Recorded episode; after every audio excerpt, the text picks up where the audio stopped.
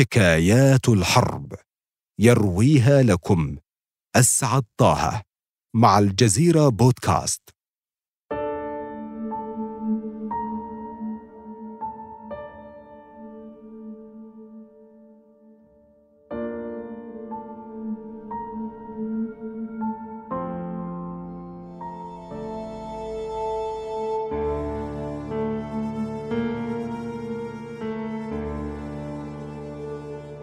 الحبيبة المقاتلة. هل جربت يوما أن يقاتل أحدهم من أجلك؟ أن يكون من يحبك في هذا العالم هو جيشك الوحيد؟ يصيبك مكروه فيقلب العالم راسا على عقب لأجلك. هذا ما فعلته بطلة حكايتنا. إليكم ما جرى.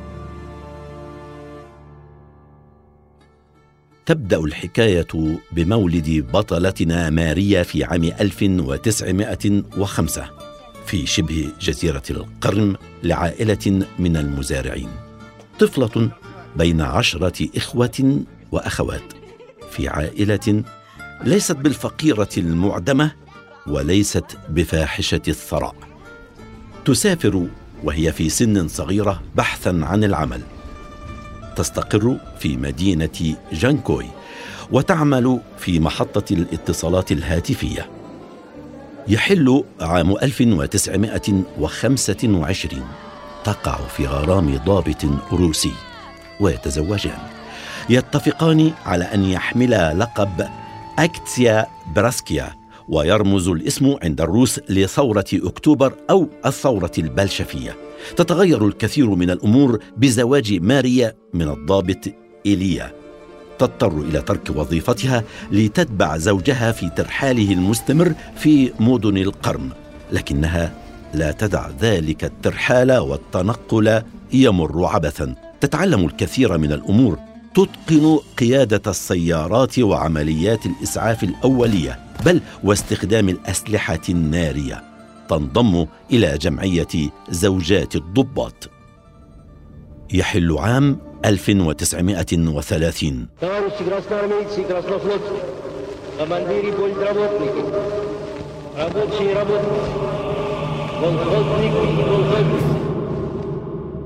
يقر ستالين مرسوما قانونيا يسمح للحكومة بالاستيلاء على مساحات واسعة من أراضي الفلاحين.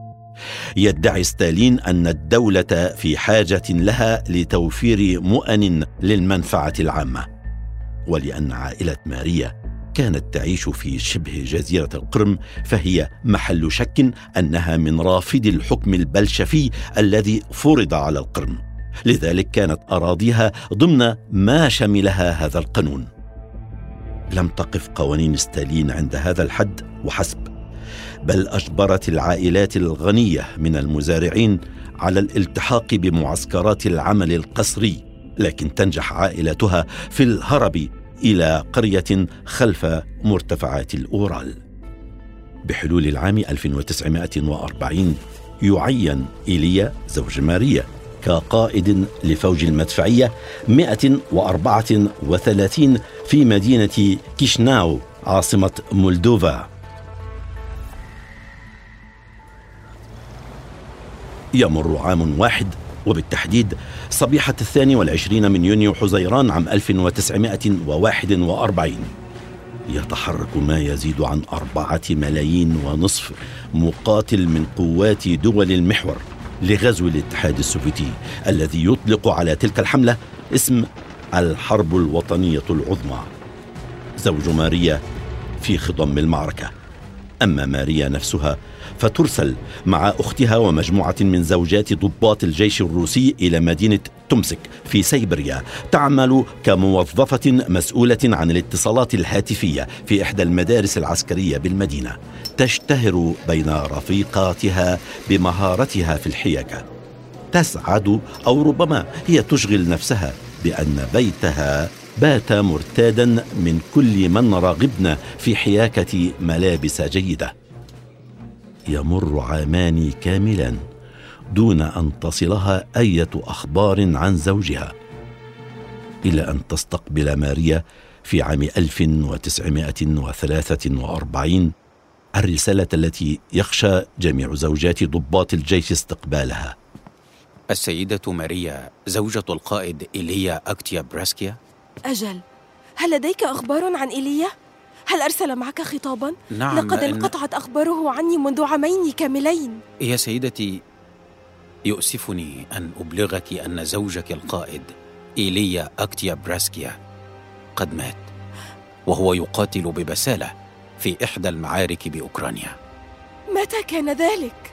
كان ذلك في التاسع من أغسطس آب عام 1941 كانت تلك الصدمة من نوع الصدمات التي يتغير عندها كل شيء ويقدم البشر على إثرها في اتخاذ قرارات تغير مسار حياتهم بالكامل. ماريا تقرر الثأر تقدم عدة طلبات للجيش حتى تنضم للمقاتلين على الجبهة. طلباتها تواجه بالرفض. عذرا يا سيدتي فقد بلغ عمرك الستة والثلاثين عاما. فضلا عن أنك مصابة بالسل. أنت بكل المعايير العسكرية ليس بمقدورك أن تكوني جزءا من معركة. لكن ماريا لا تستسلم. تقدم على خطوة لم تكن تخطر على بال أحد. كان الجيش الروسي في ذلك الوقت قد أطلق حملة لتمويل شراء وتصنيع أسلحة للجيش. تقرر ماريا أن تبيع كل ما تملك هي وأختها من أجل أن تشتري دبابة حربية. ربما لم يكن ليصدق أحد أنها فكرت في ذلك. كانت أول امرأة في تاريخ الحرب العالمية الثانية تفعل شيئا كهذا. بالطبع ما تحصلت عليه ماريا من بيع ممتلكاتها لا يكفي لشراء دبابة. تجتهد في أعمال الحيكه تجمع من زبائنها وممن تعرف التبرعات. تبقى شهورا على هذه الحال. يصل ما بحوزتها إلى خمسين ألف روبل روسي تودعهم في بنك الدولة وترسل بعدها خطابا إلى الكريملين حيث مقر الحكم. تؤكد أنه خطاب خاص بستالين.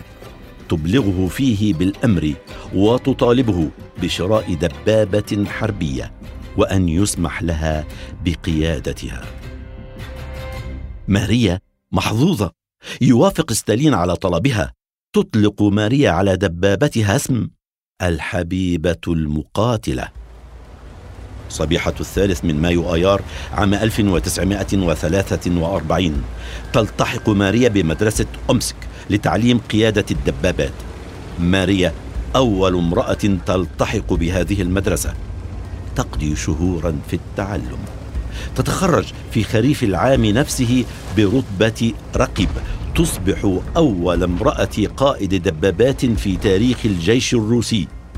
يحترم رفاقها ما فعلته لكنهم يتشككون في قدرتها على قيادة الدبابة التي وضعت اسمها على جانبيها الحبيبة المقاتلة. حان الآن موعد معركتها الأولى. تقود دبابتها بمهارة وتصيب اهدافا مهمة. تنجح ماريا في إزالة كل الشكوك في مقدرتها وتزداد سمعتها انتشارا. تخوض معركتها التالية في قرية نوفوسيلو الواقعة في بيلاروسيا. المعركة شرسة. تنجح في اختراق خطوط الدفاع الأولى للعدو. تدمر مدفعا وتقتل خمسين جنديا وضابطا ألمانيا. غير أنه يقع. ما لا يصر. تصاب ماريا. يلحق الضرر بدبابتها الحبيبة المقاتلة. تنغرز في جرف يأبى الجنود أن يتركوا دبابتها ويتحركوا إلى نقطة أخرى. يستغرق الأمر يومين كاملين لإصلاح الدبابة. ومن ثم مواصلة المعركة. يحل العام التالي تحديدا يوم الثامن عشر من يناير كانون الثاني.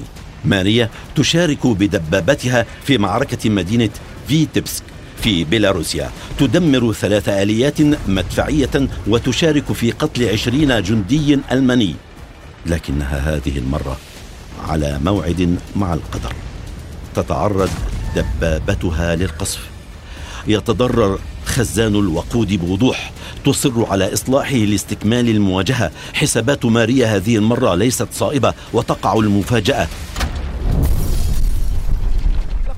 الأم ماريا. ينفجر خزان الوقود وهي تحاول إصلاحه. لقد أصيبت الأم ماريا. فليرسل أحدكم لطلب المسعفين؟ تنقل إلى المشفى الميداني وتخضع لجراحة سريعة وعاجلة. تحملها لاحقا طائرة عسكرية إلى مشفى الجبهة في مدينة سمالينسك. وضعها حرج فالمخ قد تضرر بشكل كبير جراء الإصابة. يتداول زملاؤها أخبارها. تنقل إلى مستشفى بالعاصمة موسكو أملا في رعاية طبية أفضل لكن تستمر حالتها في التدهور. الرائد توبوك هو آخر من يسمح له بزيارتها في المشفى. يحمل معه رسالة من الجنود زملائها الذين كانوا ينادونها بالأم ماريا. يتمنى الجميع لك التعافي قريبا. إنهم يعدونك أن يأخذوا بثأرك ويقولون لك نرجوك لا تموتي صبيحة الخامس عشر من مارس آذار عام 1944 تموت ماريا وتدفن في مقابر الشرف في مدينة سمالنسك بجوار مقابر قتلى الحرب الوطنية العظمى. وفي الثاني من أغسطس آب من العام نفسه تحصل على لقب بطلة الاتحاد السوفيتي. يدمر النازيون دبابتها نهائيا بعد رحيلها. يطلق الجنود على دبابة جديدة الإسم نفسه ويستمرون في تلك العادة ويستمر الناس في ذكر اسمها وما فعلته.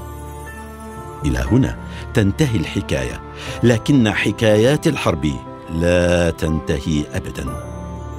أسعدتها.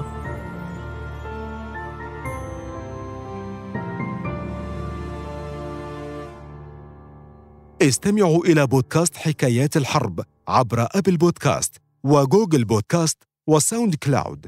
فقط ابحثوا عن الجزيرة بودكاست وشاركوا الحلقة مع أصدقائكم.